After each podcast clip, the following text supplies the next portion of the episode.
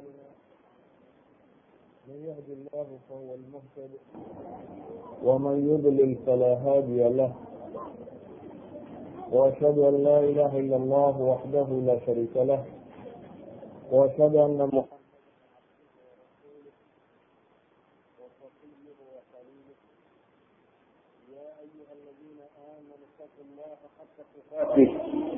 ولا تموتن إلا وأنتم مسلمون يا أيها الناس اتقوا ربكم الذي خلقكم من نفس واحدة وخلق منها زوجها وبث منهما رجالا كثيرا ونساء واتقوا الله الذي تساءلون به والأرحام إن الله كان عليكم رقيبا يا أيها الذين آمنوا اتقوا الله وقولوا قولا سديدا يصلح لكم أعمالكم ويغفر لكم ذنوبكم ومن يطع الله ورسوله فقد فاز فوزا عظيما أما بعد فإن أصدق الحديث كتاب الله وخير الهدي هدي محمد صلى الله عليه وسلم وشر الأمور محدثاتها وكل محدثة بدعة وكل بدعة ضلالة وبعد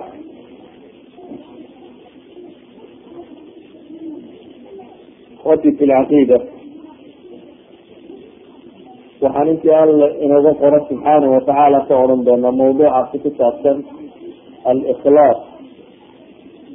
Alikhlaas kelmadan khalafa af carabiga waxaa lagu yidhaahdaa tadullu calaa tanqiyati shayi wa tahdiidi waa shayga oo laga saafi yeelo amase laga hagaajiyo waxa kale ku dhex qaldan.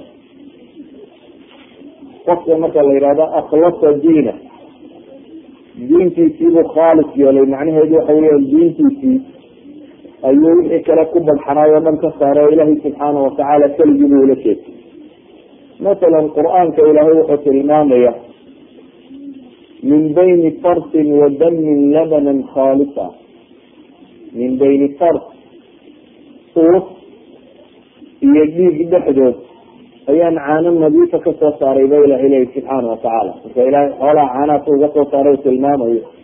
Ilahay wuxuu leya min bayni farsin wa damin labanan khaalisan saaiga lishaaribiin. Idan khaalisan marka laleeya yani wuxuu khaalis ka yahay min shawaaib lfarsi wadam uusi iyo dhiigiisana caanaha kama dhadhamayaan caano badax tiran oo ka nadiifa. Oan waxaasoo dhami ku dhex jirin baa ilaahay soo saaray markaynu kelmadan ikhlaaska tilmaamayno waxaynu uga jeednaa markaasi. Qalbiga qofka muslimka ah in laga maydho oo laga saaro waxyaabaha shawaa-ibta ama waxyaabaha mukadaraadka ama waxyaabaha labaya ee qasaya ee saafinimadiisa u diidaya. Taa waxaynu uga jeednaa ilaahay subxaana watacaala jidka loo maraa waa jid la isku intixaamayo ariiqa xagga alle ukacaa waa ariiq leh muncarijaat iyo mafaawid jibaal qutaacu ariiq lufuuf. Waa jid baynu leenahay. Dhibaatooyin badani qofku intuu dhex socdo ka hor imanaya. Waa jid baynu odhan karnaa buuro leh. Oo qutaacu ariiq le dad tuuga oo jidka kuu fadhiistoo lufuuf leh. Waxaasoo dhamina waxa ay kaa xumaynayaan waxa weeyaan camalkaagu inuu noqdo mid maqbuula oo ilaahay subxaana watacaala agtiisa laga aqbalo. Marka aynu ikhlaaska ka waramayno waxaynu ujeednaa inaynu isweydiino baacidka ama waxa kugu kelifaya inay camal samaysaan muxuu yihi hada su'aal inaynu ka jawaabno. Albaacid aw albawaacid waxa keensanaya danti iyo qasdigaad camalka ka leedahay muxuu yahay ma inaad ilaahay ku raali gelisaaba oo alle subxaana watacaala keligiibaad ula qasdigay mise ilaahay keyrkiibaad ula qasdigay maxaan ilahay keyrkii uga jeeda yani waxaa dhici kara inaad camal samayso. Camalku uu ka mid yahay acmaasha khayrka lagu raadiyo. Laakin aad ku raadinayso magac aad ku raadinayso maamuus aad ku raadinayso in lagugu mahadiyo aad ku raadinayso in lagugu bogaadiyo aad ku raadinayso wax kale oo aan ahayn ilaahay daacadiisa subxaana watacaala idan su'aasha isweydiinta le waxay tahay camal kasta aynu qabanayno. Danta aynu ka leenahay ama muraadka aynu ka leenahay muxuu yahay? Ma waxaynu muraad u leenahay inaynu ilaahay raalli gelino? Oo alle wejigiisa aynu doonaynaa iyo maalinta qiyaame inaynu liibaano iyo inaynu khayr helno mise dadka ammaantoodaynu doonaynaa masalan misaal basiit hadda waan hadlayaa waxaanan ka hadlayaa in ilaahay subxaana watacaala camalka loo khaalis yeelo qasdiguma wuxuu yahay inaan ilaahay raali geliyo subxaana watacaala oo aan ajar iyo khayr ku raadiyo. Mise wuxuu yahay in la aan magac iyo maamuus idinkaga helo laydhaha wallahi mustafa waa nin afyaqaan ama waa nin dariska si fiican udhigaya ama yani ma naxmadaan ku doonaya ammaaniyan ku raadcaynaya ma hantaan ku doonaya ma ilaahay dartii baan u wadaa waxaasi waxa ay ikhlaasku wuxuu kala soocaa camalku inuu noqdo mid maqbuula oo ilaahay qofka ajar kaga siiyo iyo inuu noqdo mid marduuda oo aan qofka laga aqbalayno sidaa awgeed waxa haboon qofka muslimka intaanu camal qabanin inuu qalbigiisa baabo. Inaad naftaada baabid dantaad ka leedahay muxuu yihi waxa kana ilahay dartidaad u wadaa mise dana kale iyo maarib kale ayaa kuugu jira. Tan waxa kuugu filan inayna xasuusiyo xadiiskii saxiixu muslimka ku yaalay. Oo abu hurayra uu sheegayey wuxuu yihi dadka naarta lagu horiyo saddex baa ugu horeyn doona. Dadka qiyaamaha naarta lagu horiyo ee lagu gudo ee xaabada u noqon doona waxa ugu horeyn doona buu leeyahay saddex. Awal man tusacar innaar calayhi. Saddexda tani maxay sameeyeen saddexdan wuxuu ku tilmaamaya midi caalim buu ahaa cilmi leh oo qur'aanka akriya oo habeen iyo maalinba qur'aan dadaba ku wacdinaya ama akrinaya midna wuxuu ahaa qof hanti haysta oo wax bixin badan oo le ilaahay dartiidan wax badan u bixiyey. Midna wuxuu ahaa nin geesiya oo goob lagu dagaalamayo jihaadu ka socdo galay oo lagu dilay haddana saddexdanba waxaa la leeyahay naarta iyagaa loogu horeysiinaya gale waa maxay? Maxaa qofkii jihaadkan ku dhintay? Ama cilmiga dadka uegayey ama hantida bixinaya muxuu noqday ka naarta loogu horeysay sabab waaxid. Qof weyaan waxaan camalkiisaanu ilaahay dartii oo kudha ula jeegin wuxuu nabigu tilmaamaya salawaatu llahi wasalaamu calayh kan caalimka ay waxu qur'aankan u akrinayo habeen iyo maalinba u waday in la yidhaahdo fulanun qaari waa nin qur'aan akris badan oo cilmi sheegid badan aakhiro ilaahay wuxuu ku yidhahdaa markaa waqatili gaawado intaasaa doonaysa intiina lagu yiri aniga waxba igmaliid baa laleeyahy subxaana watacaala waxaad u muxaadarinaysa qur'aanka u akriyaysa waday waa lagu yidhaha wallahi ninkaa hebel la yidhahdaa waa nin magaciyo maamuusle markuu khudbada qabsado khudbad siiye canjeediya intiina waa lagu soo yiri ba alla ku yidhahda subxaana watacaala dantaas intaas ahayd intiina heshay idan kuwa naarta loogu horeysiyaabuu ka mid yihi wuxuu nabigu leeyi salawaatu llahi wasalaamu aleyh ka wax bixinayay. Wuxuu islahaa ha la yidhahdo hebel war waa qof saxa loo gacan furan oo wax bixiya. Intiina lagu yiri buu nabigu ku yidhaah ayuu nabigu leeyi salawaatu llahi wasalaamu aleyh ilahay baa wuxuu yidhahda aakiro waxaad rabtay inaad magac heshid oo aad ka fogaatid khasiisada xune a dhabcaalnimada iyo bakaylnimada inaad ka fogaatid oo noqotid nin dadka ay ku barteen ama gaba lagu bartay inay wax bixiso iyo markaa dunida jeesana waa la ohan jiray hebel waa saxal gacan fiican.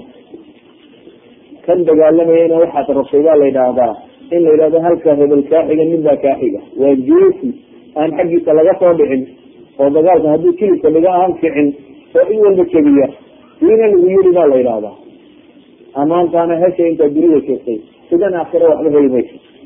Macnaha meesha ku jira markaa muxuu yihi camalku inuu yahay shaygii ilaahay loogu dhawaan jiro qura maaha waxa wax lagu helaa waa inuu yahay mid alle loola dan lahaa keliya in wax lagaga hela. In ikhlaas uu ku jiro oo danta laga leeyahay ay tahay in ilaahay subxaana watacaala wax lagaga helo. Idan ikhlaasku waa meel sare dad badan oo acmaal samaynayaan acmaashooda xagga alle firsiisba ka ahayn. Sidaa awgeed waxaynu mar kasta u baahanay inaynu qalbiyadeena dib u baadno camal kasta ood qabanaysa inaad isweydiiso maxaad iga dan leeda maxaad ka rabtaa ma dadka ammaantiisaad doonaysaa ma shuhro iyo magac baad doonaysaa ma xoolaad ku doonaysaa maxaa danta aad ka rabta ay tahay ma ilaahay dartiibaad ku doonaysaa iyo inaad ilaahay ugu dhawaato subxaana watacaala waa manzilo runtii khatar ah. Cidda karantaradan ka gudubtaana wax fudud maaha. Nafta iyo shaytaanna ku dayn maayaan intaa waxbay kuu sheegayaan. Intaa su'aal bay kugu soo celinayaan. Sidaa awgeed ayaa ilaahay subxaana watacaala qur'aanka wuxuu ku leeyahy isagoo ka waramaya saxaabadii nebiga la dagaal gashay ee gazwatu uxud dagaalkaa ka qayb gashay. Ayaa ilaahay wuxuu yihi minkum man yuriidu dunya wa minkum man yuriidu aakhira minkum man yuriidu dunya. Waxaa idinka mida mid adduunyo raadcaynayay oo dagaalka u galay inuu haniimo iyo xoole iyo wax soo helo kaloo idinka mid ilahay mid aakhiro doonayay haddii saxaabadii la leeyahay waxaa idinka mida qaar daacad ahaa oo ku doonayay camalkooda tan iyo qaar adduunka iyo magac iyo maamuus iyo maxmado ku raadinaya ay ka mid ahaa. Maxaad umaleetahay inaga inteedaynu qalbigeena ka shaqaynaa. Inteedaynu niyadeena hagaajinaa. Niyadda hagaajinteeda acmaal badan oo la sameeyaabay ka fiican. Camal yar yar yar yar baa janno weyn la helaa. Haddii niyaddu ay tahay tii ilaahay ina amray subxaana watacaala sidaa ogeed ba xadiiskii macruufkaa nabigu wuxuu tilmaamaya inama alacmaalu biniyat acmaashu waxay ku asaxdaa ama se lagu aqbalaa niyo masaladan culamadu waxay dhahdaan niyada laba shay baa looga jeeda mid waa niyadii cibaadada lagu kala saarayay ma duhri baa tukanaysaa mise casar mise waa farad waad niyeynaysaa waad ku kala soocaysa midna waa niyada maqsuudka kala saarta danta aada camalkan ka leedahay muxuu yihi danta aada camalkan ka leedahay muxuu yahay? Idan waa niyo qasdiga ku saabsan. Walidalik ba xadiiskaa culamadu waxay sheegaan nin ay u bixiyeen ba muhajir umu qays baa loola jiray bay idhahdaan gabadh buu jeclaa dabeetana inuu guursadaa buu rabay. Gabadhii saxaabadii hijrootay ka mid noqotay madiinay tagtay. Waxa uu ku kaliftay markaa isaguna inuu ka hijroodo. Laakin danta hijradiisi waxay ahayd gabadhii uu raadcaynayay inuu helo ayay danta hijradiisu ahayd muhaajiriinta lana dadkoodii iyo xoolahoodii waxay haysteen oo dhan bay ka yimaadeen. Oo waxay u soo hijreen inay ilaahay iyo rasuulkiisa u gargaaraan. Labadaaba madiino wada yimaade labadabana kawa yimaadeen dhankii laga imanayey socod wada gale si soo wada rafaade. Laakiin markay madiino wada yimaadeen ma isku nooc ah. Maya saa daraadeed buu nabigu lahaa inama alacmaalu biniyat faman kanat hijratuhu ila llahi warasuulih fahijratuhu ila llahi warasuulih waman kanat hijratuhu lidunya yusiibuha aw imraata yankixuha ninkii u soo kacisimay xoola uu helo ama haweenay guursado ilaa intaasun baa layihi isaga hijradiisi wax kale male waa laba acmal oo isku mid ah maxaa kala saaray waxa kala saar qalbiga wixii ku jiray niyadu inta leeshayd baa kala jiray bale waxaan ohan karnaa masalat lhijra waxaa qur'aanku inoo tilmaamaya cid acmaalulhijra aan dhamaysba tirin madiinada soo galin laakin haddana ajarkii helaya.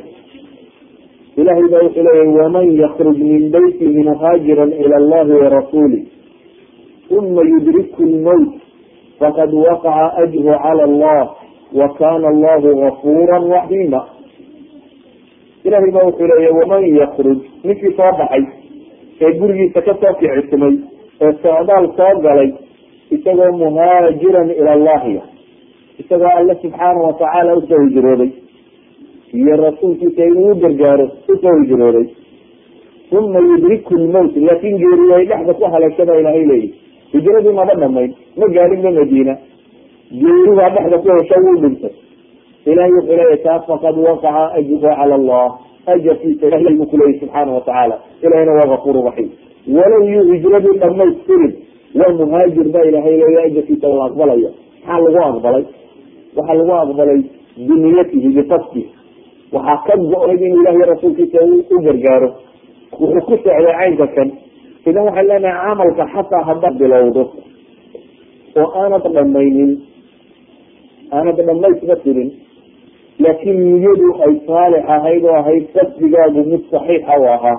Ajarka waad helaysa bale haddaad camalka samayso laakin halkii aad ula socotay meelaan ahayn uu kaaga dhaco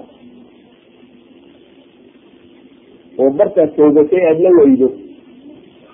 Ajarka waad leedahay biniyati kibaad ku masala xadiiskii bukhaara kugu filan.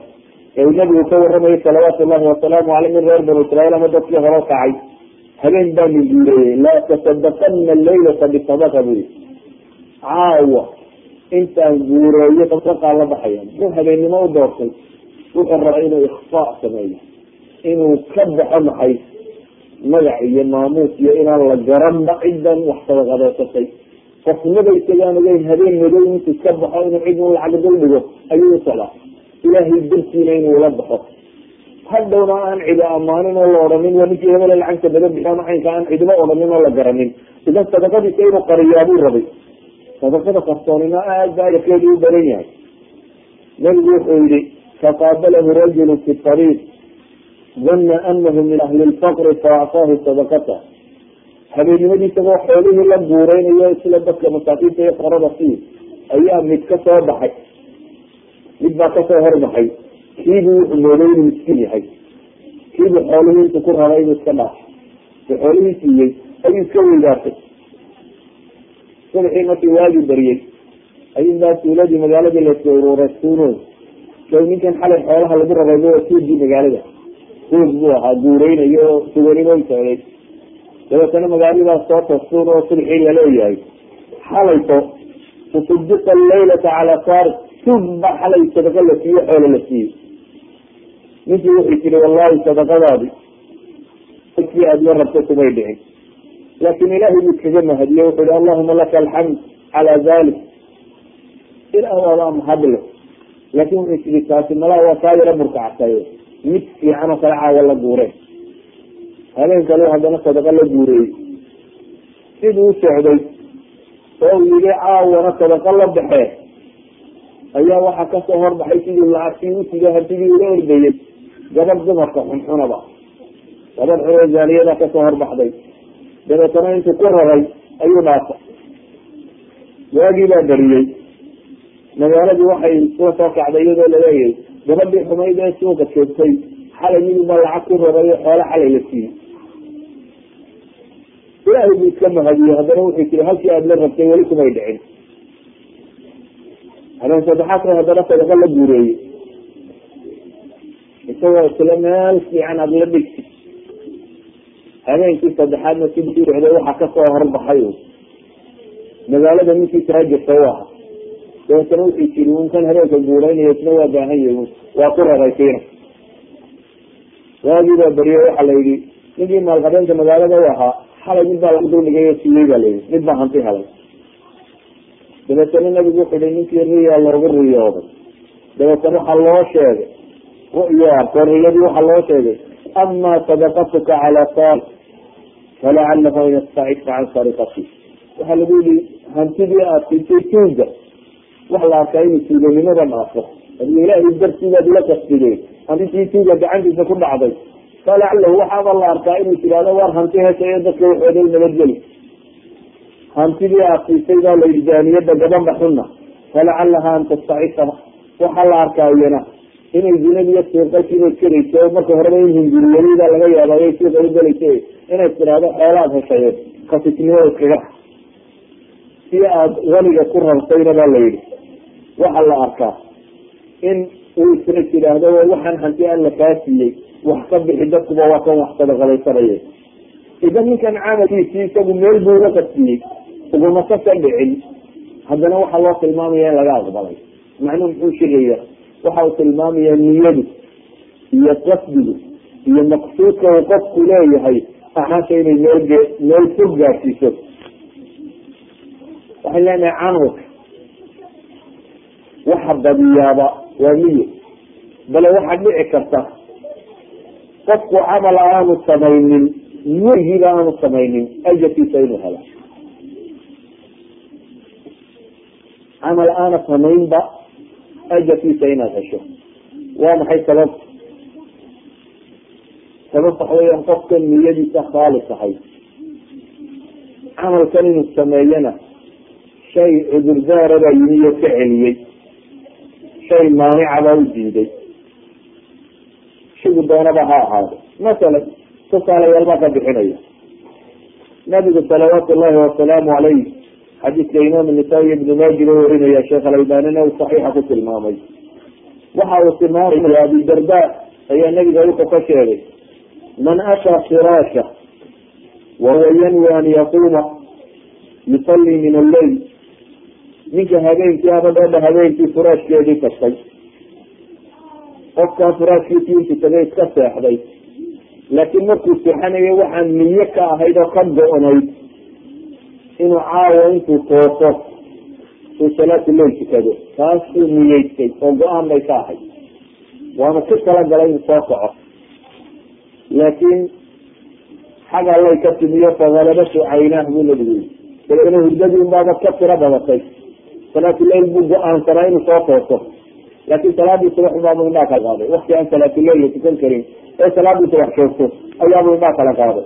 Fagalabatu caynaahu xataa asma ilaa iyu ka waabarisay ay ishiisu ka xoog badisay. Kutiba lahu ma nawa wa kana nawmuhu sadaqatan calayhi min rabbihi caza wajal nabigu wuxuu leeyahy salawaatu llahi wasalaamu caleyh kan niyadiisii waa loo qoraya mu niyeeyey inuu salaatu leyl kaco salaatu leyl qofku sagaa laga soo qaadaya waa loo qoraya. Hurdadiisiina sadaqo kale ilahay siiyey bay ahayd. Hurdadiisiina sadaqa alla siiyey bay ahayd. Salaatu leyliisiina waa loo qoraya. Ninkani camalka ma samaynba haddana sidii qofkii istaagay buu camalka helay. Muxuu ku helay? Wuxuu ku helay niyadiisii saalix ahayd ama khaaliska ahayd ama alla dartii uu sameeyey.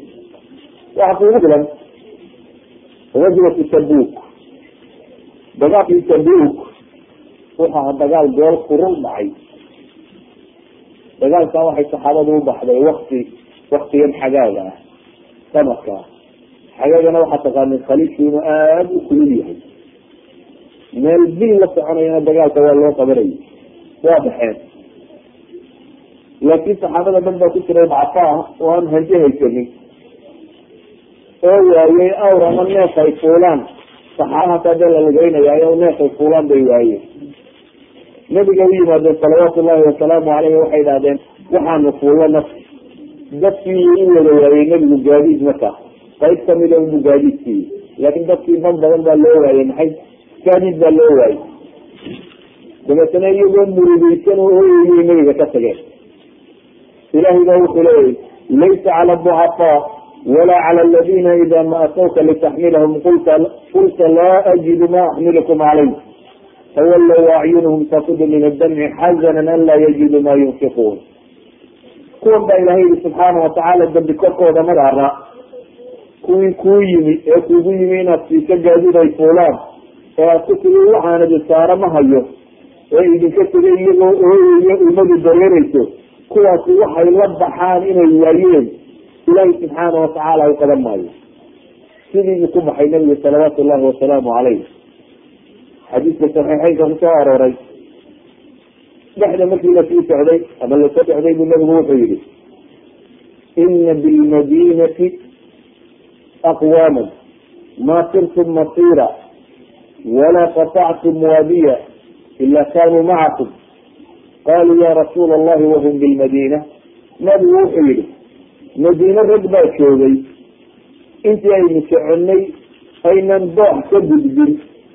Ama socod aynan soconin ilaa iyagoo la socdeen buu nabigu yii saxaabada arrinkii way ku adkaaday wahum bilmadina bay idhaahdeen iyagoo madiine joogay haddana anaga nala socdeen ila anagu waa soo dagaal tagnay oo bil baanu lugeyn oo safarkaasaanu gallay. Ma wax nalala socday iyagoo madiine weli jooga bay ku yidhaahdeen. Nabigu wuxuu ku yihi wahum bilmadina madiine iyagoo jooga ayay idinla socdeen. Laakin nabigu muxuu sheegay xabasahum lcudur alaa ashrakuukum fi lajri bay riwaayada muslimina sheegaysa yani muxuu tilmaamayaa nabigu nimankaasi ajarka way idinla wadaaga? Sababta waa maxay? Xabasahum alcudur baa layihi cudurdaar ayaa reebay. Sabab ay ku hadhaan baa timi idan dadkii jihaadsamay ee waxaasoo ka fara galay nin gurigiisa fadhiyaa la ajar noqday oo isna helay ajarkiiyo kale. Sababta ku helayna waxay ahayd liikhlaaska niyati ka dhab bay ahayd inuu ilaahay u diriro ka dhab bay ahayd inuu nabi maxamed raaca salawaatu llahi wasalaamu caleyh laakiin wixii wasiilo awoodayo dhanna wuu sameeyey. Laakiin wuu waayey cid qaada saas daraadeed ba xadiidka imaamu muslim warinayo wuxuu nabigu ku tilmaamaya dad baa jira man sa'ala allaha shahaadata bisidq ballagahu allahu manazil ashuhadaa wain maata cala flashi nabigu wuxuu leeyahy salawaatu llahi wasalaamu aleyh xadiidka saxiixa muslim ku yaalla qofka ilaahay u weydiisto si dhab a shahaado inuu ilaahay darti u dhinto qofka dhabnimo u weydiista sidqigu waa maxay waa qof ay ka dhab tahay hadduu jaanis ka inaanu baasiye waa qof ay ka dhabtay kuwii ilaahay qur'aanka ku lahaa. Min almu'miniina rijaalun sadaquu maa caahadu allaha calayh. Fa minhum man qadaa naxba wa minhum man yantadir haddii sidqigaasi uu jiro oo ay run ka tahay oo niyadaasi ay go'aan ka tahay haddii fursadaa helo inuu ilaahay dartii u dhimanayo ilaahay kuwaa wuxuu gaadsiiyaa booska dadka shuhadadu ay galaan xataa haddii firaashkiisa ku dul dhintaba nabigu leyi salawaatu llahi wasalaamu caleyh wain maata ala firaashi ala firaash xataa haddii firaashkiisa iskaga dhinto oo aanu dagaalba gelin manaajisha sida alla gaadsiinaya subxaanahu watacaala waxaan leenahay axaadiistaas oo dhama waxay tilmaamaysa man sa'ala allaha alqatla fi sabiili illah saadiqan min qalbi actaahu allahu ajra shahiid wain maata calaa furaasi asxaabu sunan markaasay soo arooriye waxaan leenahay marka masaladan ikhlaaska loo yaqaano iyo qofku niyadiisu inay ilaahay khaalikatoo dhabtay oo uu dagaalamayo oo uu acmaasha ka ruusheegayo oo aanu dan kale lahayn inuu ilaahay ku xidmo mooyaane ajarkaa wuu helaya idan waxaad ku dhinac dhigtaa mid dagaalamay oo aan waxba helin baa la sheegay. Mid dagaalamay oo aan waxba helin. Waxa kaloo la sheegay mid aan dagaalaminba laakiin manafishan gaadhay. Maxaa udhaxeeyey kii dagaalamay aan waxba helini wuxuu ahaa mid niyadiisa ku jirtay shay kale. Ilaahay dartii aan camalka u wadin ama reerkiina wax ka dhig ama magac iyo maamuus aad heshi ama nin waa ninkii hebela geesigaa ha lagu yidhaahdo. Qof kale iyo dan kalea dagaalkiisu ahaa kanna maba dagaalamin laakiin ilaahay baa qalbigiisa wuxuu ku og yahay inay dhab ka tahay dagaalamo. Inay dhab ka tahay alla dartii u dhinto laakiin imkaaniyaadkiigi waayo wixii suurto gelin lahaa possibilitieskii ayaa suurtoobi waayo kanina ajarkuu helaya ka kalena waxba heli maayo. Sidaa wey ayay culamadu waxay tilmaamaan mas'alada san loo yaqaano niyo iyo ikhlaas inay mas'alo khatara waana kii xadiidkeenu ku tilmaamaya in allaha laa yanduru ilaa ajsaamikum walaa ilaa suwarikum ilaahay jidiimeeyo saa u xoog weyntiin ama sidaa u kala suurad fiicantiina u kala qurux badantiina u kala dhaldhalaal badantiin taa ilaahay ma eego ilahay agtiisa taas waxba uguma fadhido isagaa idi wada abuuray ama foolxuma ama dhalaal badnow ilahay sincadiisi baad ka mid tahay iima uguma fadhido markaasi noocaad u eg tahay ajarna ilahay taa lagagama helo laakin waxaa ilaahay agtiisa ajar lagaga helaa o alla maxalu nadarkiisa qalbigiina iyo camalkiina qalbiga maxaa la eegaya madaa ikhlaasikum lilah camalka kani inta uu nabidinka ahaa inta a u sameynayseen ilaahay subxaana watacaala daradi inta uu dhabnimadiisu ay idiin jirto. Maadaama u arinku caynkaa yahay. Waxaan leenahay acmaasha waaweyni meel fog ma jirto ee waxay jirtaa qalbiyadeena tan inaynu ka shaqayno acmaasha waaweyni waxay jirtaa.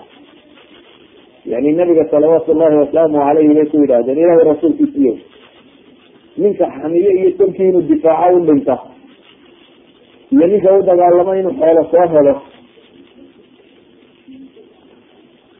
kaayuhum fi sabiili llahi bay dhahay keena ilahay jidkiisa ku taagan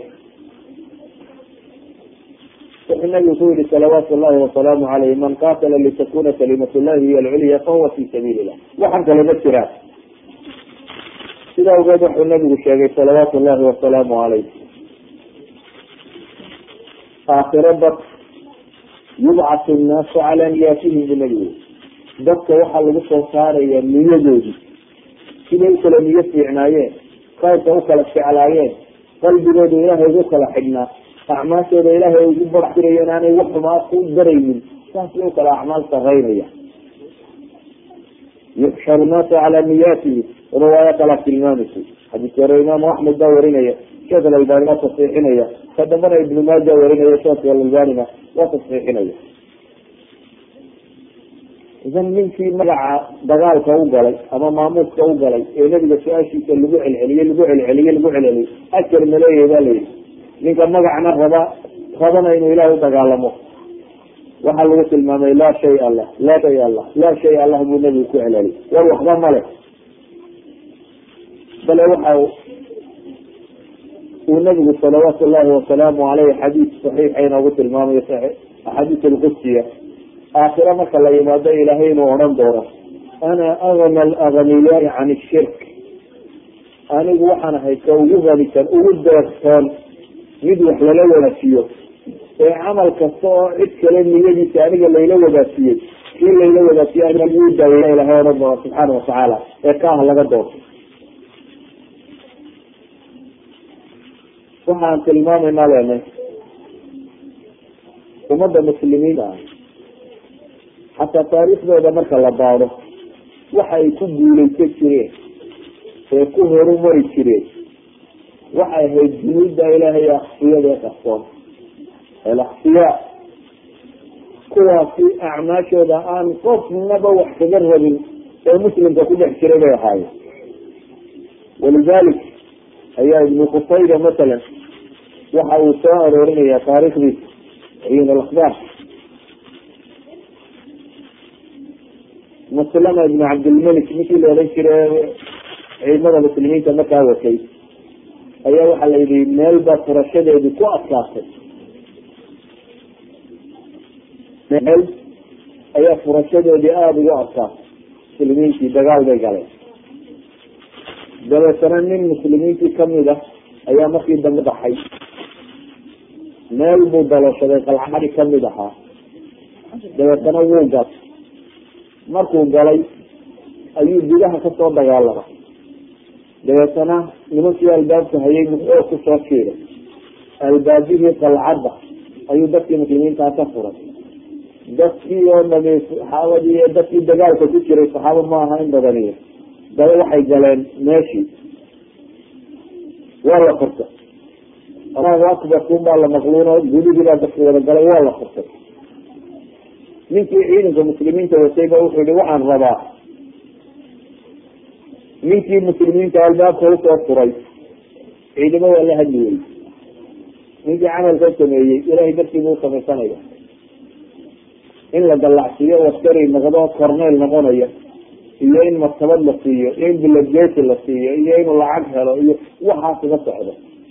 Wuxuu u socdaa camalkiisa kan inuu janno ku galo. Sida daraadeed wuu qariyey. Ninkii intuu khudbadeeyey wuxuu yihi waxaan idinku dhaariye ilaahay baan idinku dhaarinayaaye ninkii camalkaa sameeye muslimiinta meesha u furay ku yimaado. Cid baa la haddi weyday ninkii amiirka qaymadiisu misrigaa la yihi yani taabug yaraayo deganaa. Dabeetana nin baa soo baxay oo meeshii buu yimi ninkii taabuga ilaalinayay bu wuxuu ku yihi waade amiirka waxaad ku tidhaahdaa. Ninkii meesha dalooliye ka galay meesha ee soo furay ayaan war ka hayaa war. Ninkaas warkiisaan hayaa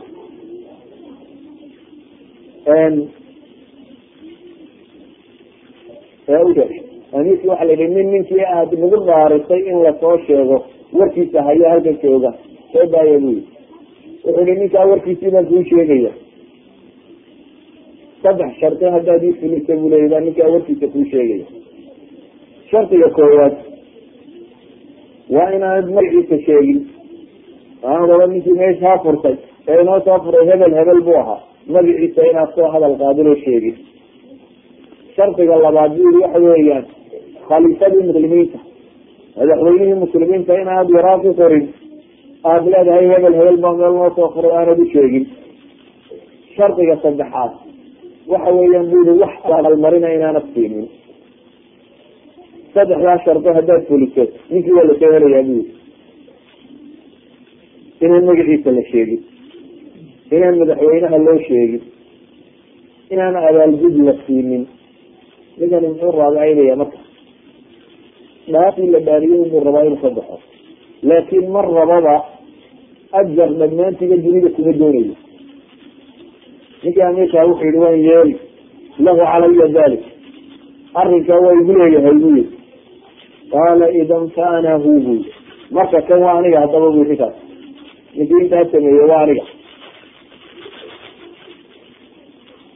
maanta ninka wax yar muslimiinta u sameeya wuxuu jecelyahay dadkao dhan inay wada magacaabaan khayr allahas iyo hebel baa ka baxay hebel baa sidaa soo samey in la wada magacaabo wuxuu jecel yahay hadday shahaadaad tahay taqdiiriya iyo mid maamusa iyo mid magaca in loo wada dhibo la yidhahdo waa shahaadadii ninkii halkaa furay aan kaa sameeyey wuxuu jecel yahay in sijilaadka lagu wada qoro oo la sheego magaciisa. Wuxuu jecel yahay madaxda muslimiinta in loo sheego o la maamuso. Wuxuu jecel yahay adduunka inuu magac ku heliyo maamus laakiin dadka kani islaamka dadkii u garaaray waxay ahaayeen dad aan haba yaraatee magac iyo maamuus adduun doonaynin. Dad waxay raadiyayaan uu yahay aakhiro in la liibaado oo la guulaysto.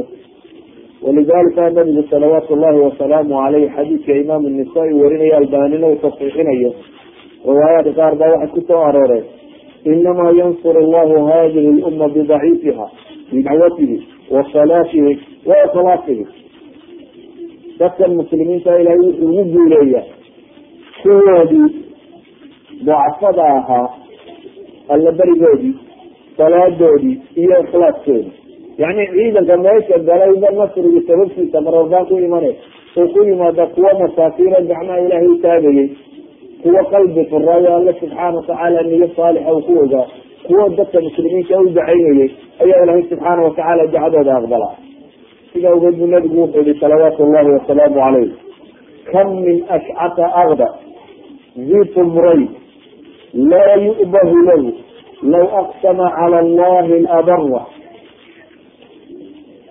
wuxuu nabigu leeyahy salawaatu llahi wasalaamu caleyh badana mid timuhu basaasoogeen timihiisa ay basaas yihiin oo bood leh. Oo hayliyo xun. Oo hadduu ilaahay ku dhaarto subxaanahu watacaala ilaahay dhaartiisa fulinayo.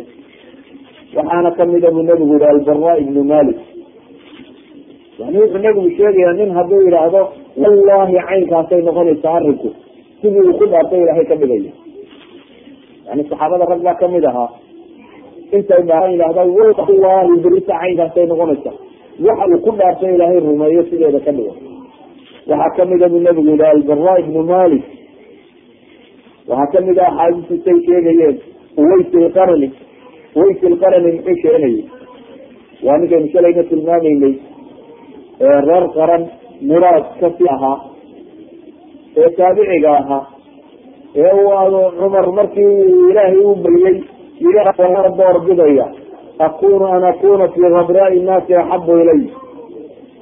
Inaan ka mid ahaado dadka kuwooda nakirada aan cidimo garanaynin ayaa agtayda lagaga shacayl badan yihi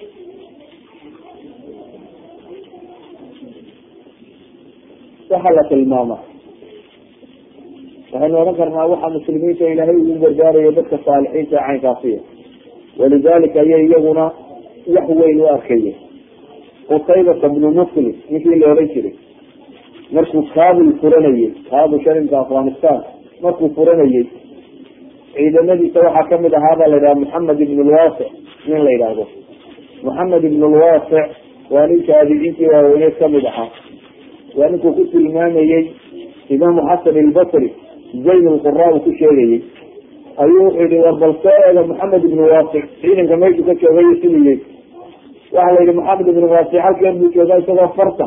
Cirka u taagayo alla baryo subxaana watacaala usbucuhu tilka buu yihi farta uu ilaahay u taagayo ayaa axabu ilaya min halaatiina alfa canaan.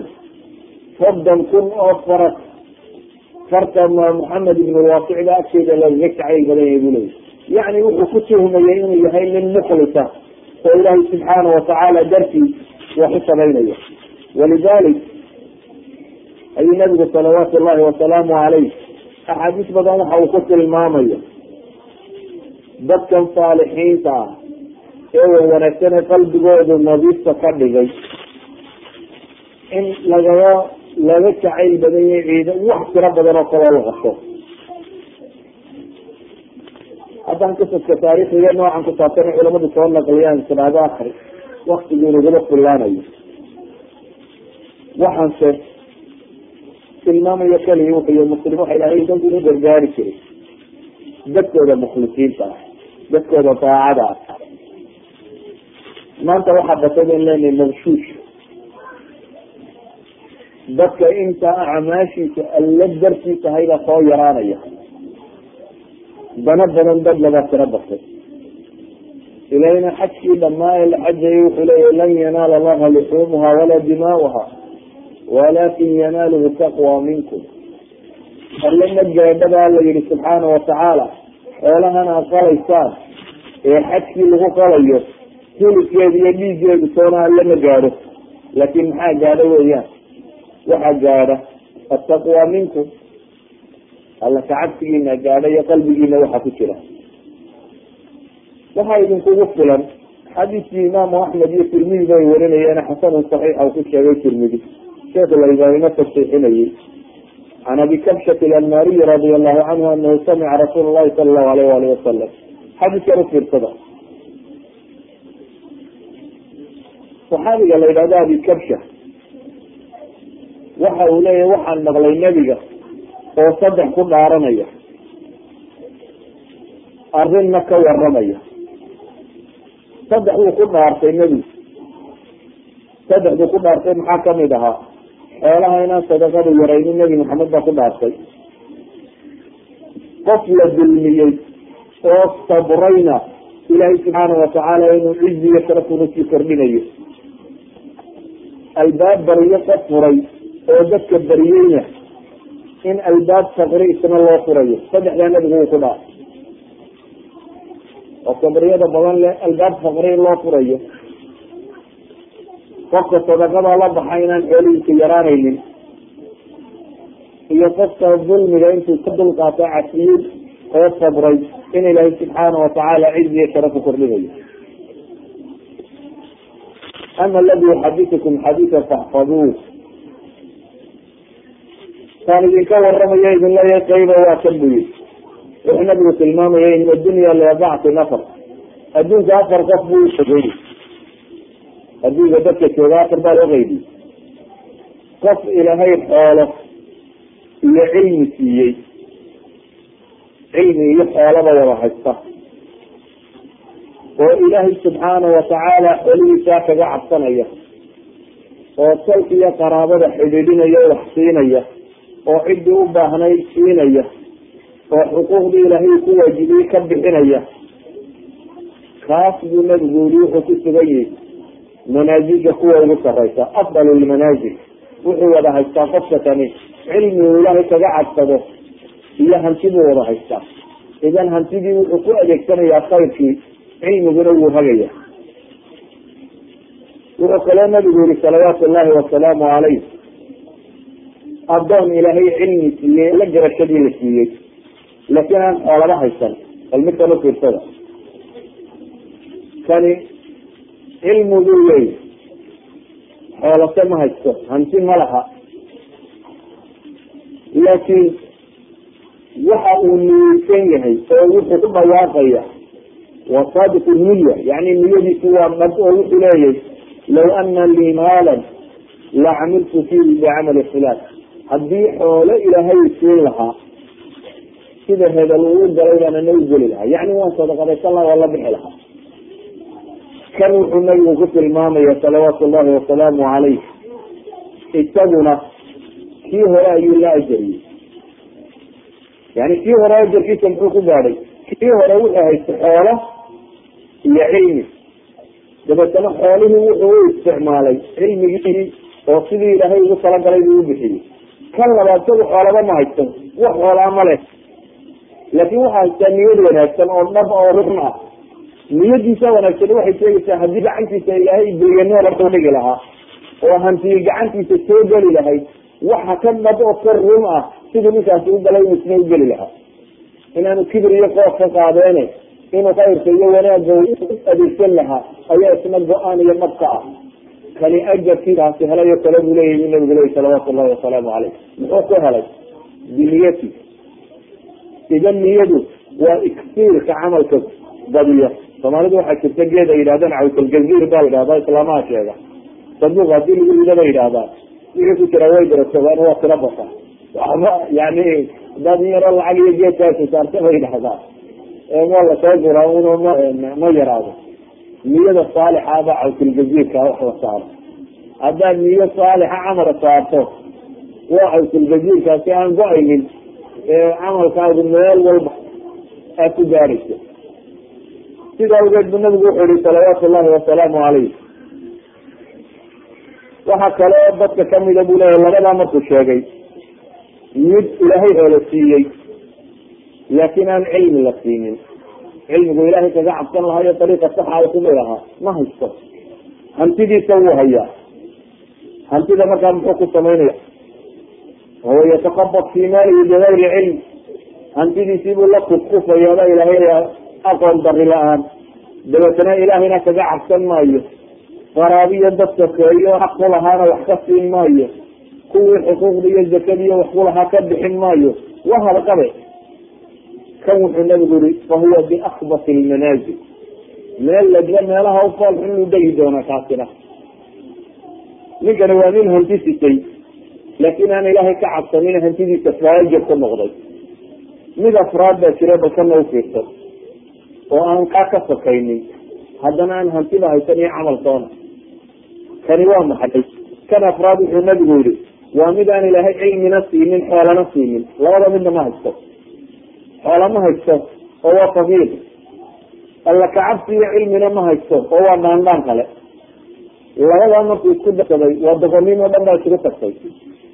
Waxa uu leeyahay haddaan xoolo heli lahaa sida hebelo kuntaar kuban lahaa ama meel heblaayaan ka boodi lahaa ama meel heblaayaan tuuriis ku aadi lahaa meel heblaayaan degi lahaa halkaasaan ka soo tegi lahaa alla yaa halkaa ka soo tuntoo taga. Waxaasaa niyadda kaga buuxa. Xoola ma haysto cilmina ma haysto kani nabigu yihi biakbati lmanaazil meesha xun buu degaya.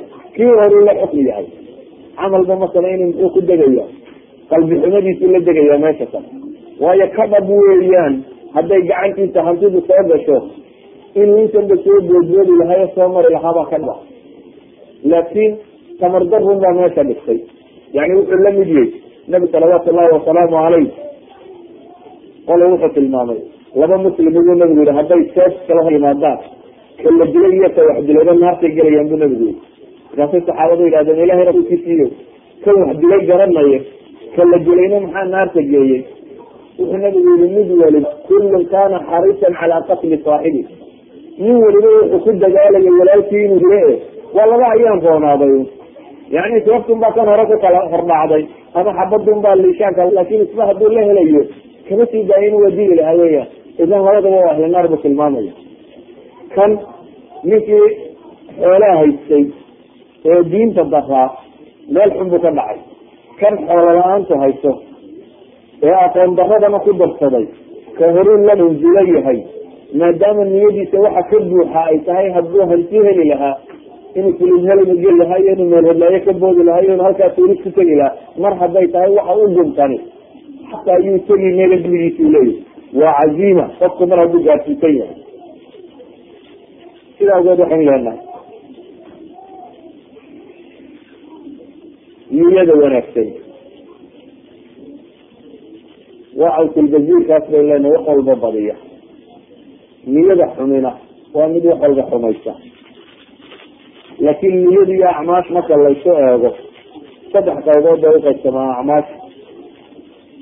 Macaasida niya kama tarto macaasida niya wax kama tarto shaygu hadduu macsi ahaa laakin aa niyo saalixaan u sameeye kamaan u sameeye waxba ma kordhiyo. Idan macaasida niya ma bedesho marka xoolo xaaraanaad soo qaadato. Dabeetana waxaa tii masaajid baa ku dhisay ilahay baa ugu dhawaanaya waxba noqon maayo waa isa macaasi daacaadkase shayga daacada ah niyadu kow asaxeeyadaa ka wakiila. Haddaana biyo saalixa saynin ma asaxay inama alacmaalu biniyat waa ka labaad tadciifkeeda labalaabkeeda niyadaa ku xidhan. Waxaa nabigu tilmaamaya waxaa jira dirham. U dhigma maxay malaayiin u dhigma. Yani dirham qofkii bixinayay uu saabit ahaa kanab ahaa intan uu haystay meel khayr laku bixiyey.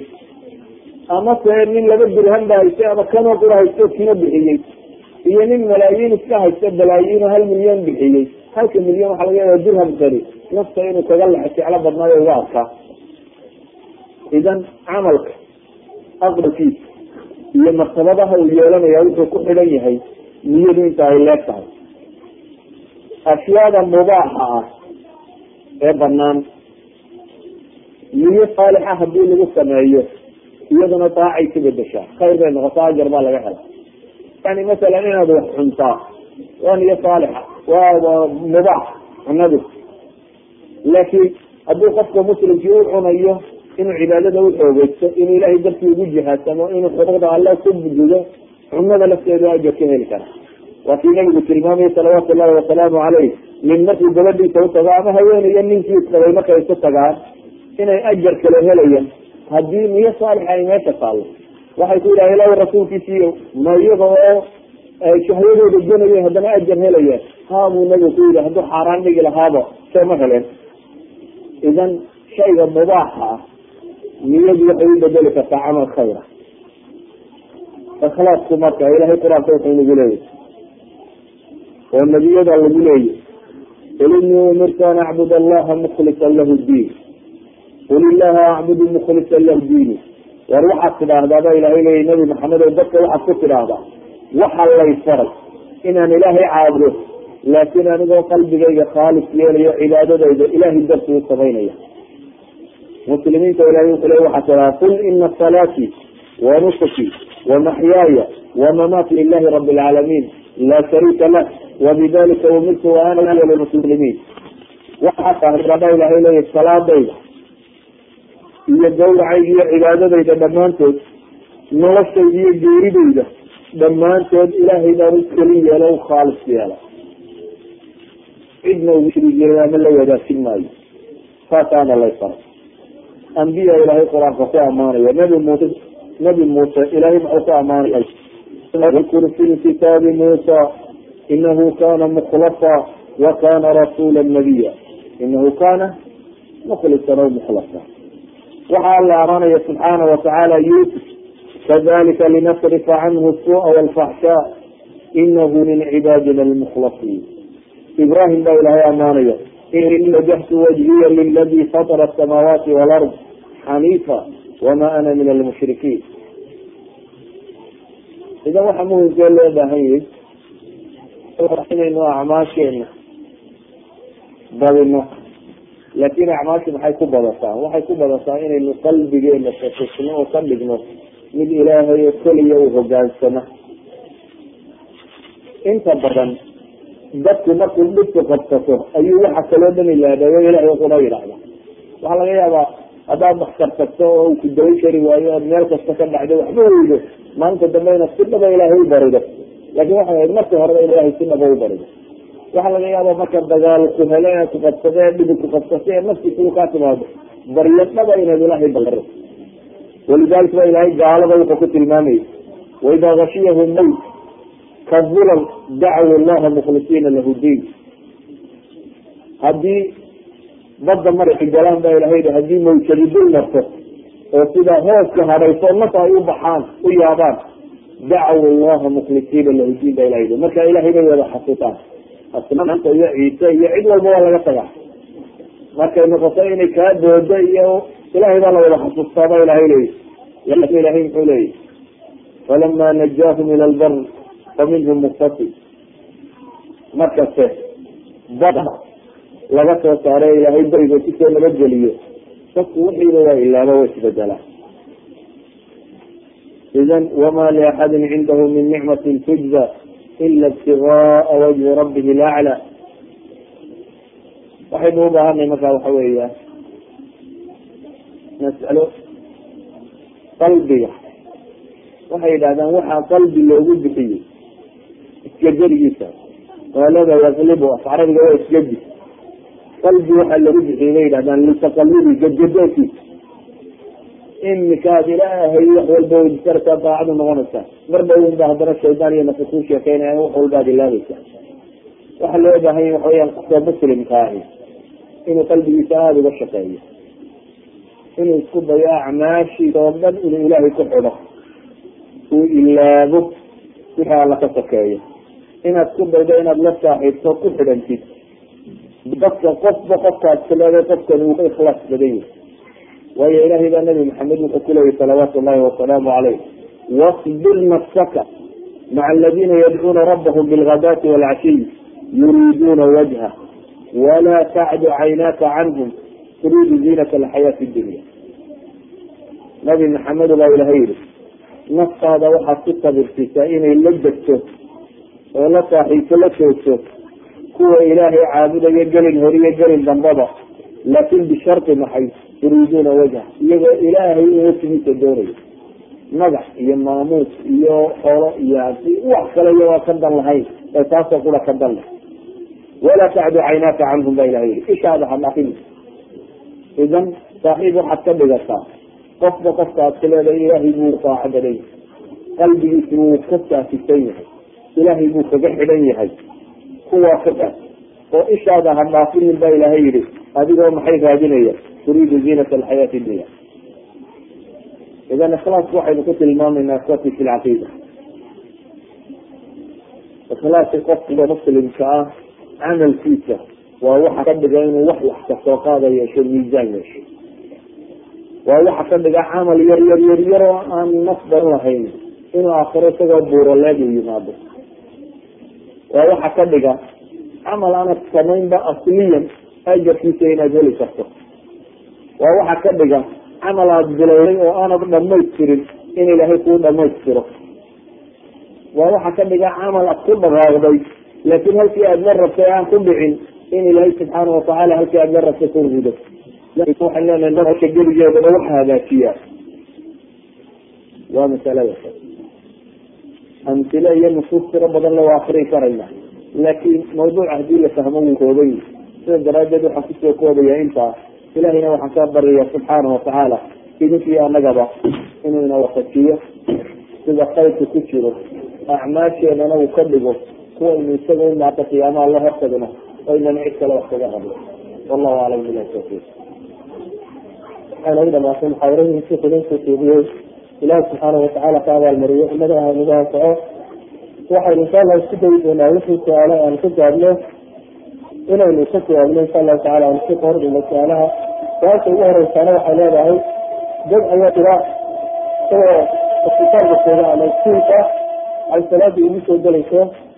Qofkaas markaa salaadina meeshaas ku tukanayaa isaada markii u yimaado ansanaya waxaa jirta arrin odhanaysa dadka qaarkood inay sameeyaan oo ah in lagu yidhaahdo salaada waad samcin kartaa gurigi markaad ku noqoto adigoo murtida oo aan dhibaata kugu dhicinin haddii ay iskuulka joogto ama meel kale aada joogto salaadii waad samcin kartaa hadda markaad guriga ku soo noqoto.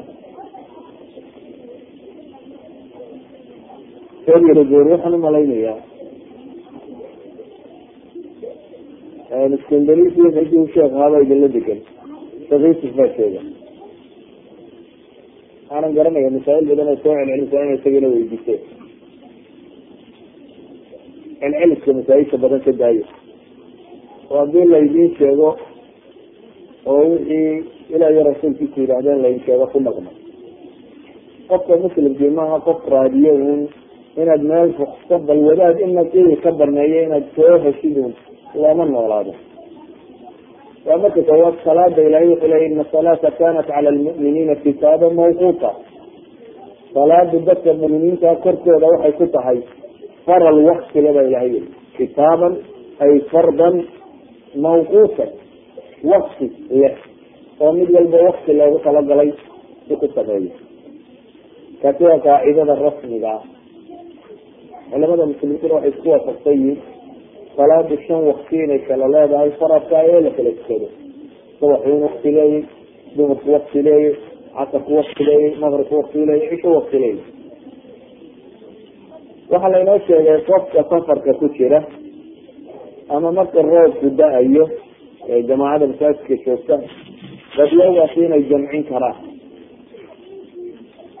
Jamcu taqdiim ama jamcu taakir xagga hore in laysu soo raaci karo ama xagga dambe in salaada laysu raaci karo. Culamada dhan oo fuqahada ayaa masaa'il kale ku sii dara qofkii bukay aan markastaba weysaysan karayn ama awoodi karaynin. Culamada badh oo xanaabilada ka mid iyaa ku dara. Islaantii ilmo yar tafsiisanaysa o nijaasta markasta aan iska mayri karaynin kala raacin karaysa masaa-ilka badh dumarkii saxaabada lahaa ayaa lagu daraa laakin qofka caafimaad qaba oo muqiima oo degan waan balaayo haysani intuu meelaha iska joogtaba inu dhaha caawa markaanu gurigii tagaabaan salaadahoo dhan israaraacinaya sidaa daacadu ma aha. Hadday marmar dhacdo qofku inuu meeluu ku tukado waayo ama ay marmar iyo dhiskii soogi weydo. Culamadu waxay dhahdaan qaarkood xadiiskii saxiix muslim iska adeegsan kara. Oo sheegaya inuu nabigu laba salaadood jamciyey iyadoo roobna jirin khawfna jirin caynkama jirin bimujarad inuu jamciyey isagoo dadka muslimiinta a dhibka ka dulqaadayo ala kuli xaal waxaan ku soo koobaya masaa'ilka fiiga ah ee in badan aad shuyuukhda weydiinaysa ina shakiikusna joogo waxaan aada u jecelay hadday isaga weydiisaan kuwii hore idin jawaabayna wixii idinku jawaabeen ku dhaqataan wallahu aclam waxay leedahay iyaduna indhakeerku ama niqaabku dad ayaa waxay u arkaan inuu yahay dhaqan carbeed aan isdiin ahayn arrinkaas sheikh waxaan rabnaa inaad noo cadayso indhashareerku ma dhaqan carbeedba mise waa diin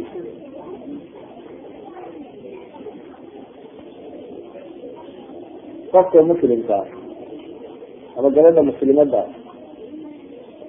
inay iswada qarisaa waa diin wejiga iyo gacmuhu inay muuqdaan culamada badbaa qaba. Culamada badbaa qaba xataa labadaasi inay cawro yihiin inay muujiso iyo inay qariso iyoma fadli badan inay qarisaaba fadli badan. Maligi yani idinma banaana waa kuu banaan waad muujin karta ra'yigaas la raajix laakin iyadoo ay banaantay ayaa haddana fadiilo dheeraad waxaa leh inay karsato. Aha wax dhaqan carbeed la yidhaahdo. Meeshan isweydiinaya waxay tahay carabi intaan jidka ku soo degin ma karsan jirta wejigaa isweydiinay mase xijaaban jirta ila markaasay odhan lahayn waxa weya waa dhaqan carbeed be caaisha markay xijaab ka waramaysa waxay lahayd dumarka anfarku waa dul khayr badan bay ahaayeen oo u degdegayay diinta. Oo markay aayaadkul xijaab soo degtay bay leedahay waxay kala seexseexdeen maryahoodii si ay ka wada qariyaan maxaa meesha ka muuqata markaas hataa saxaabada markii hore inaan saa laysu wada qarin jirin ee markii qur'aan soo degay ilaahay uu soo dejiyey inay masaladana teg waxaa ka muuqata caaisha masalan markii uu soo maray safwan ilmucadal ninkii xanifatlis been abuurka lagu tuhumay iyadoo geed hoostiisu soo maray dabeetana markuu arkay buu gartay wuu istirjaacsaday. Waxay tiri wuxuu yaqaanay inaan xijaabku soo dhitay yani haweenkii nabigu qabay salawaatu llahi wasalaamu caleyh iyadu inay dam iska dhigaan baa waajib ku ahay. Inina la muujiyeen may ahayn. Dabeetana markuu gartay waxay leedahay wuxuu yaqaanay intii aanu soo degin maxay ahyaatulxijaabka waxay tilmaamayaan nusuusta tani xataa saxaabadu inaanay saan isu wada qarin jirin. Ee markii qur'aanku uu soo degay kadib inay isqariyeen waa mida kale ah qur'aanka haddaa akriyi taqaaniin laba suuradood oo qur'aan ah ayaa labadaba ay ku jiraan aayaad le qariya suurat nuur iyo suurat laxzaab haddaad qur'aanka u rumaysanta markaa inuu ilaahay ka yimi subxaana watacaala ma suurtagala inaad tidhahdo waa dhaqan carbeed. Wax dhaqan carbeed la yidhahdo aanu rumaysanay ma jiro carabta dhaqankeedana ma haysano laakiin waxaanu haysanaa diinta ilaahay soo dejiyey. Diinta ilaahay soo dejiyeyna carabi ma leh. Bani aadam baa loo sooda dejiyey. Kiisa madow kiisa cad kiisa carbeed wuu ka dhexeeya. Koox gaaro oo laga dambeeyo laleeya iyagaa diintan loo daba socdaa ma jirto. Idan diintan carabina male ee madowna male yurubiyanna looma diidayo siday ugu wada sugan yihiin ka yurubiyanka iyo ka carka iyo ka kale dadka sidaana ilaahay ula hadlaya subxaana watacaala waana risaaladii ugu dambeysay ilahay soo dejiyey wallahu aclam.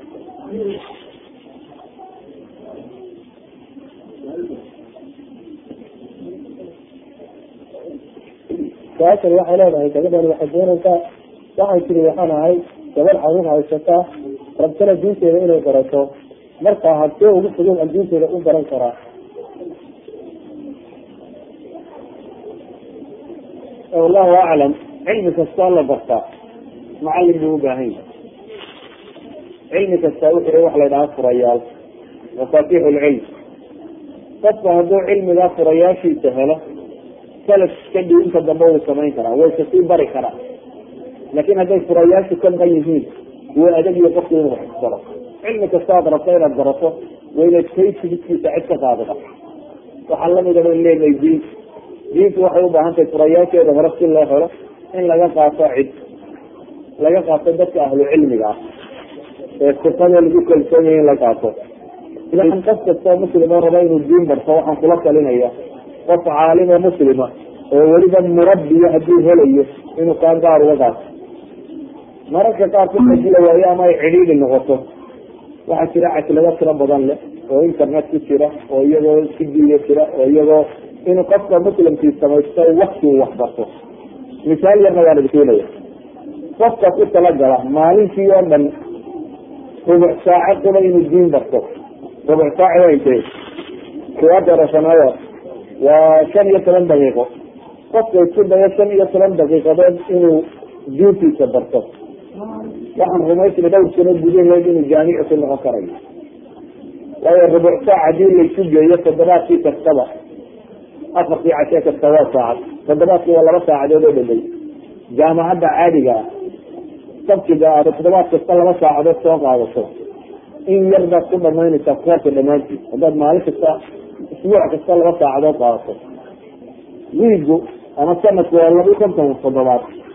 Laba iyo sanad markaad qaadanaysa macnaheedu waxa weeyaan waxaad qaadatay ugu yaraan boqol saacadood baad qaadatay weyaan sabki kasta oo jaamacad lagu dhigto aad boqol saacadood qaadatay qalinkiida ku dhidhow idan waktiga inagaa dayacayna ama inagaan rabin inaynu wax barano ama inagaa iska dhaadhicinayna haddii aanad wadaad maanta o dhan hor fadhin inaad wax dhigan karin mar haddaanad labaatan kitaab soo dhegeysan inaanu cilmi ahayn waa rubuuc saac baad ku baran kartaa diinta o dhan. Haddii daacadnimo tahay iyo joogtay laakin waxaa loo baahan yahay laba shay. Qofku inuu waktiga joogteeyo duruuftaadu si kasta ha u ekaato inaan rubucaasi ku dhaafin. Rubuc saac haddaad qabsato. Rubuc saacaasi inaanu ku dhaafin duruuftaadu si kastaba ahaw haddaad kaa ka dhabayso waxaan rumaysnay diinta inaad diinta adigu noqon doonto shiika wax la weydiiyo. Wallahu aclam. Su'aashan su'aashan waxay leedahay gabadh xanuunsatay oo qalin martay aan ahay waxaana rabaa inaan ka hijroodo wadankan dawooyinka lansiiyana soomaaliya lagama helo markaas maxaad igu naraxayn lahayd? Qof kastoo muslimoo dhahaysato ilahi waxaan kuu baryana inuu caafimaad khayr qaba ku siiyo oo aad ka maarantid daawada bini aadamka dhammaantood. Haddii ay suurtagal tahay inaad wadan muslim kastid oo dawooyinkaagana aada heshid qaab loo helaba ama iibka soo hel ama waddamada carbeed ka helo kasayso ay suurtagal tahay fabiha wa nicma. Haddaanay suurtagal ahayn ee aad dawooyinkaaga kastab tahay inaad halkaas joogto si kaloo aad ku daweyso aanad garanaynin. Waxaan ku leenahay fattaqu llaha mastatac intaad awoodo ilaahay ka cabso subxaana watacaala dawadaadana iska qaado wallahu aclam. Su'aashan waa su'aal in badan soo noqnoqotay waxaana leedahay ninkaygii ayaa raba safaradi inuu ku noolaaday aniga igu kasbaaya anigiisa kama raaleeyahay maxaan sameeyaa shiikow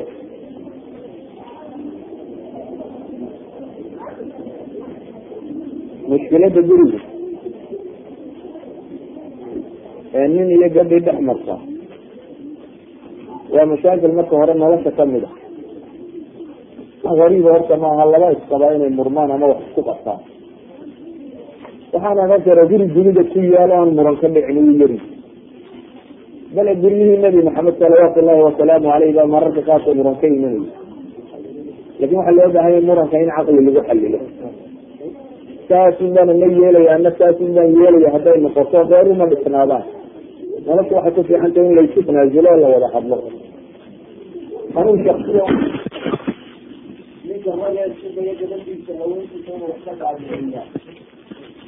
oo qanciya inuu qancin karo waxaan kaloo is leeyahay gabadha u xoogxirato ninkeeda inuu si caqli ku jiro wax uga dhaadhiciso inay ka dhaadhicin karto usluubka wax laskaga dhaadhiciyaana muranun maaha iyo sidaa ha yeeli waa iska tiro baray asaaliib lama kastay isu fahmaan.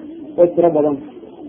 Idan marka hore haween kastoo muslim oo leeyahay ilaahay karti badan buu ku siiyey. Bale nabi maxamed wuxuu tilmaamaya ma jirta buu leeyahay haweeney naaqishaatu caqliga diin isagoo ku sheegay haddana nabigu wuxuu yihi kuwaas mid kastoo caqli badan way ka faaid calayn karaan bu nabigu mid kastoo caqli badan way ka xoog badin kartaa. Laakin waa hadday asaaliib u marto ninka kan soo dhaweyneysa oo wax ka dhaadhicinaysa oo u arkayo inay naseexad iyo dankiisa wado. Idan waxaan kugula talinaya gabar kastoo muslima horta. Haddaad ku tala gasho inaanad murmina inaad qaab un wax uga dhaadhiciso qofkaa guriga ku wada nooshiid markaa guriga wada joogtaan inaan la waayin si laysu fahmo hadi waaxida idan marka hore adigu bintiga dhiisa kaga dhig saad wax uga dhaadhicin lahayd ay ku fahmi kari lahayd. Waa marka labaad qofka dareensay ilaahay cabsidiisa iyo aakhiro iyo shilimaadka la soo hela inaanay waxu taraynin saxaabada haweenku waxay odhan jireen raggood markay subaxi ka sii baxayaan waroy shilim xararo gurigaa xaaraana gurigaaha naga keeni yani noloshii naga xumaynayahay idan inaad u tilmaamto xaaraantu inay guriga xumaynayso waan waxba laga faa'iideyni intaasoo dhan haddii loo taag waayo ha la adeegsaday ehelkii iyo talkii iyo qaraabadii iyo culimadii iyo cidduu ka maqlayo. oo qof kasta nin iyo gabadhkuu doonaya ha noqde cid uu dhaganugulyedaa jirta. cid uu warkooda qaadariyaa jirta. cid wax ka aqbalaa jira. cid haddii loo diro ay u badan tahay inuu wax ka aqbalaa jira. idan waxaan ku talinaya waxay tahay haweeneydaa mulimada ah xaaraanna ha ku dhicin. odaygaagana kulax hadaad adigu muslixi kari weydana ciddii muslixi lahayd ku day saa daraadeed gurigaan ayay xaaraanta soo geli wallahu aclam su'aashani waxay leedahay gabadh maxkamadda aaday oo ninkeedii guriga horteeda iyadu ka furtay oo tii ninkii waa ka furay ninkiina uu leeyahay anigu ma furinin maxay noqonaysaa arrintaasi? Wixii tahaysi ku saabsan fatwo uma baahne qadaa bay udahay yani cilaaqada laba qof dhex marta walaga garnaqa ee lama fatwoodo waxaa laga yaaba fatwada qof waliba siduu jeceliyo su'aasha inuu udhigo saani dhacdo saani dhacday saani dhacday maxaa la yeelaya dabeetana wadaadka yidhahdo adaa saxeeso adaa ku madaxday. Sida meel inaan ahayn baa suurtagala idan kaysku hadduu laba qof oo ishayo ka dhexeeyo qadaa unbuu galaa. Waa in labada qofba cid lagu kalsoon yahay baysa ay waxan u bandhigaan. Dabeetana garnaqa oo u kala sheegaa waxa ay kala leeyihiin marka gabadhan waxaa leeyahay hadda ninkii ishayaan oo waad ifurtiy kuba furin haddii arrinku yahay. Qadaa muslima ama sheekh muslima intaad kala tagtaan. Qof waliba makaafiyadiisa iyo warkiisa ha sheegto. Dabeetana waxa u kala sheegaan kala xukumo wallahu aclam. Su'aashan waxay leedahay maadaama macaasida iyo zinada ay ku badan tahay yurub dadkina hadday banaanka ka yimaadaan ay gurigooda yimaadaanna ay siisigi u joogo oo ay aslaan iyo waxyaabahaas taawanayaan dadkaasi iyada maxaad kala tali lahayd siday uga hortageen arrintaas. Taladu waxa weeyaan qofka muslime nabigu wuxuu yihi salawaatu llahi wasalaamu caleyh itaqi llaha xayuma kunt. Meel kastoo aad joogtada ilaahay ka cabsadaa la yihi qofka muslim meel kasta u joogaba qolkaaga keligaa ku jirtaya suuqa maraysa alla waa si waana ku arkaya. Sidii un baana malaaigta kuula socota wax kaaga qoraysa waa iska mid haddaad banaanka ku soo samayso iyo dad qolka xidhato sidii isaga ka adsaarto waa isla uga dhexeeya idan qofka muslimkii mar kastaba inuu ilaahay xasuusto alle ka cabsado cibaadada uu badsado dadka muslimiinta oo wanaagsan uu ku xidhmo ka haddaanu iscontroli karin tvgan iyo waxan da inu iskula daayo. Ima inaad controli karayso haddii aanad ilaalin karaynin dee iska xig lacag buu kugu tegaayo ma faaida soo qabta. Iskaba xig warka xagaan ka dhegeysta hadday tahay raadiyoyadaa sheega jaraaidkaa qora dhul badan oo kale aad war ka dhegeysato ka akrisataa keli internetyadu ku qoray meel kastaba haddaanad controli karin tv-ga joojiga gebigiisaba guriga ka saar. Wallahu aclam. Su'aashani waxay sheekha si gaar uga codsanaysa maadaama uu soomaaliya ka yimi inuu qasaa ka bixiyo warbixin ku saabsan waxbarashada iyo dadka noqonaya sida ay tahay iyo waxbarashadu siday tahay iyo nolosha sida ay tahay hadda qofkii doonaya inuu noqdo. Soomaaliya idinkama warbadni waayo soomaalida tal iyo qaraabo iyo cid wali xagga waa sheegtaa maalin walba telefon baa lagu soo diraa internet baa laga hadlaa dawirad baa kasta qof baa ka yimaada maba kabar badmid haadi waaxida waa ka labaad soomaaliya waa dal muslim waa dal muslimiin ku nool. Dhibaatooyin waa ka jiraan dunidana meel aan dhib lahayni ma jiro dhibaatooyin waa ka jiraan laakiin waxaan rumaysnaa meel u noolaan kara inay. Meelaha degan aan dagaaladu ka socon waxbarasho iyo iskuullada waa ka jiraan ilaa heer jaamacadeed gaarsiisan wallahu intaa waxay noogu dhamaaday su'aalihii laakiin waxaan ku soo gabagabaynaynaa codsiyo badan ay dadku soo gudbisteen oo ku saabsan in loo duceeyo. Siikana waxaanu ka codsanaynaa dadka walaalaha inuu duceeyo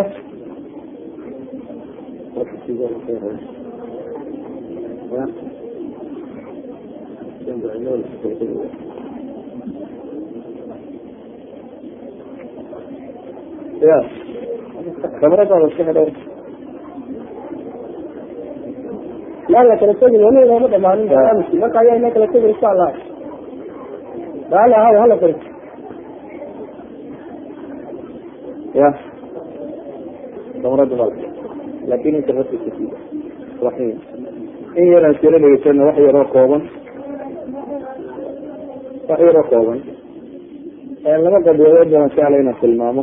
Tan ducada waa tilmaami doona haddii la idhaahdo su'aalo badan oo laiga weydiinayo waraaqo mala advertisement aan qaybiyey in yar tilmaami doona waxaa dadka su'aal weydiinayaan waraaqahaan qaybiyey waa shirkad baamistara oon ugu talagalnay dadka muslimiinta wixii hanti garsanaya inay hanti garsadaan waa shirkad ku saabsan telecommunication sidaysa telecommunicationka wadda ka jira inay casriyeyso oo ka kooban telecommunication online telefoonka guriga la geliyo ah iyo internet ka samaysan nooca loo yaqaano broadbandka ama aan ahayn kan telefoonka laga dhaao ee wireless mid ku tegi kara ah waa shirkad ka kooban dhowr qaybood oo qaybo ku saabsiisan telecommunicationka online-ka iyo internetkaasi qaybo celibor ku saabsiisan iyo satellite segment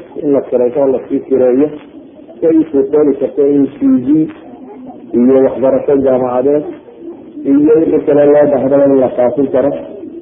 Iyo qaybta ugu dambeysa ka kooban mobile system ka gedisan kuwa maanta wadanku yaalla markaan soo koobo waa saka laba qaybood kadanta qayb franjisa oo ah ciddii gobol gaara ama magaalo gaara shay laga iibiyo magaaladiisa loo geliyo wixii u baahnaa iyo telefon iyo internet ah. Cidii rabto inay share ka qayb gasho oo shirkada qaybaha dhisanaysa in share ka qayb galana inuu ka qayb geli karo. Hadda sideed magaalo wadan ka mid ayay ka dhisan tahay sanadka gudiisana waxaanu jecelahay ilaa shan iyo labaatan magaalo inaynu gaarsiino hadda waxay ka dhisan tahay beled xaayo siriban gaalkacyo boosaaso laascaanood burco hargeysa boorama. Waxaanu bilaabi doonaa xamar kismaayo baydhaba hiiraan iyo shan iyo labaatan magaalo kale. Sanadka gudiisa inaynu gaarsiinaadaan jecela shirkada maamulkeeda anaagu madaxa ciddii rabta inay hanti ku darsato isagoo aan inay meel gaara qaato ama magaalo gaara qaato. Laakiin raba inuu sheerholderin ka noqdo saami inuu ku yeesho waa u furan tahay. Saamiga ugu yara kaga qayb geli karaa waa saddex kun oo dadka qof wuu gasan karaa laakiin saamiga ugu yara ee laga qaban karaa waa saddex kun oo dollar. Qaabka saamiga u geli karaa. Waa inuu xawaaladaha la yaqaan mid kamida tago dabeetana uu hargeysa u diro magacayga isaga ku qorayo imailada ku qoran waraaqahan idin qaybiy iyo telefoonka ku qoran. Anigana uu maraa igu siiyo informationka ah qofka magaciisii qabiilkiisii waayo qabiilku waa warsiin numbarka qofka haduu wixii lagu raadin lahaa qofkii lagu heli lahaa ay la socoto haddii maskeladuga timaado ama qofka uu dhinto waa ka dhiman kara geerida ma hadda naftii naga bixi kartaa ciddii hantidiisa qaadi lahayd ama ka mas'uul noqon lahayd inay ku qoraato idan wixii nooca ku saabsan hesiis ku saabsan qofku ama anu telefoon igala soo xidhiiri karaa ama email soo diri kara in hantida xawaalada ugu dhow ee meesha jooga ku taala ayuu ka diri karaa hargeysaana u diri karaa. Wixii intaas ka badan faahfaahina ciddii u baahani telefoonada waraaqda ku qoran ama imailada ku qoran ayuu kala soo xidhiiri karaa marka wixii faahfaahina intaa dheeraada laga yaabaa inaan ragga ama dadka qaarkood fahmaya warbixin intan ka ballaadan siiyey. Laakiin waxaan qiyaasaya mala dumarku iyo farsamada inaanay isku fiicnayn. Saa daraadeed wax badan kala sheegin. Aqoon aan isleena waa cusubta wadanka adeegsan ama technology wadanka horaa u mariseen aan isleenoo badan waxba kamaan sharxin laakiin ciddii markaa isaga xiisaynayo isle waxaad wax badan ka sii ogaati waxaan isku dayi doonaa inaan si gaara ama email ugu sawira ama telefon ugu sharxo duduub ahaan haysa haddii waxa siraa laga qabana waa la weydiin karaa. Masalada ducada ku saabsan ducada waxaan jeclahay inaan idin wada sheego. Ilaahay wuxuu yihi waida saalaka cibaadii cani ini qariib haddii addoommahaygu ay kaa weydiiyaan nabi maxamed oba ilahaynay waxaad ku tidhaahdaa waan dawa qul ma odhanin ilaahay meelaha dhan waxaa la yihi maxay? Yasaluunaka can ishaar qul hiya mawaaqit yasaluunaka can alkamr qul yasaluuka can kada qur'aanka inta kaloo dhan waxaa laleeya nabiga waxaasaa lagu weydiinaya kullahu waxaa halkan xataa erga kullaa ilahay uu ka jeediyo laguma odhan waxaa la yihi waida saalaka cibaadii cani fa inii qariib ba ilahay fadi luga alcarabiya waxaa la yidhahda waa litacqiib wa tartiib yani ilaahay ma odhan nabi maxamedo waxaad ku tidhaahdaaye waxa la yidhi hadday kaa weydiiyaan ilahay isagaaba hadlaya wuxuu leeya inii qariibun ujiibu dacwat daaci ida waan dowlahay ba ilahay yihi qof kasta baryana baryadiisa waan aqbalaya ee ha i rumeeyaan oo ha i aqbalaan ba ilahay leeya subxaana watacaala idan waxaan ii sheegaya qof kastowba haddaad waktiyada ilahay ducada aqbalo kacdid adigoo weysaystay oo daahira haddaad habeenkii kacdid oo ilahay waxaad salaad lantarasa u tukatid ilahay wuxuu tilmaamaya kaana qaliila min alleyli ma yahjacuun wabilasxaari hum yastakfiruun walmustakfiruuna bilasxaar waa waktiga salaada subaxna ka horreeya salaatu leylkana aad tukatay waktigaa intaad kacdo waxaan rumaysnay hadaad ilaahay sooda dhulka u dhigto waad rumaysan tahay ciddaa madaxa dhulka ugu haysa inuu alla yahay subxaana watacaala ilahayna inu gacda ka aqbalayo marka qof kastoo muslimoo mida hayso waxaan kula talinaya ha ka noogin oo ha ka daali oo kac habeenkii intaad madaxa dhulka saartid ilaahay ku abuurtay bari waa kaa aqbalaya ilaahay subxaana watacaala cumuumanna dadka muslimka ay ku duceeyaan ba la yihi oo ilahayba qur'aanka wuxuu ku leeyahay nabi maxamed faclam anahu laa ilaha ila allah wastakfir lidambika walilmu'miniin ogow allaynu kali yahay dambi dhaaf ilaahay weydiiso dadka mu'miniintana weydiis ilaahay subxaana watacaala waxaan ka baryaynaa dhamankeed inuu dembigeena dhaafo aakhiriyo adduunba in allayna liibaaniyo dunadiisa in alla subxaana watacaala inaga kulmiyo kuwa adduunka dhibkiisa ka badbaadiyo in allaynaga yeelo aakhiro ciqaabka iyo naarta kuwa ilaahay ka faydaan in laynaga dhigo subxaana watacaala inta xanuunsanaysa ilaahay waxaan uga baryayna in ilahay caafimaadkooda kala siiyo. Iyaga dadka muslimiinta kala bukada in ilaahay subxaana watacaala caafimaadkooda kala siiyo. Iyagana waxaa leenahay sabra. Nabigu qof buka markuu aqo wuxuu jiray tahuur insha allah. Yacni dambi dhaaf sa alla kaaga dhiga.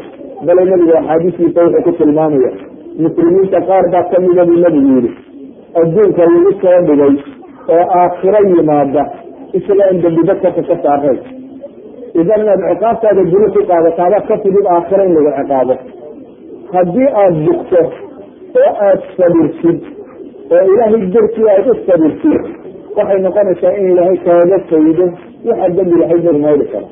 Sida daraaddeed buu nabigu salawaatu wasalaamu caleyh wuxuu ku tilmaamaya dadka muslimka ah wadaximo muddo ilaa ilahay dembi kaga maydha yani dhib kastoo ku gaadha haddaad sabirtid ilaahay subxaana watacaala balaayo kaaga faydaya idan waxaan leeyahay inta xanuunsanaysa ama inta dhida qabta idina sabra ilahayna barya subxaana watacaala ilahayna waxaan u baryaynaa inuu caafimaad khayr kaba siiyo dariiqa xaqaana uu nagu wada sugo wasalaamu calaykum waraxmat ullahi wabarakatu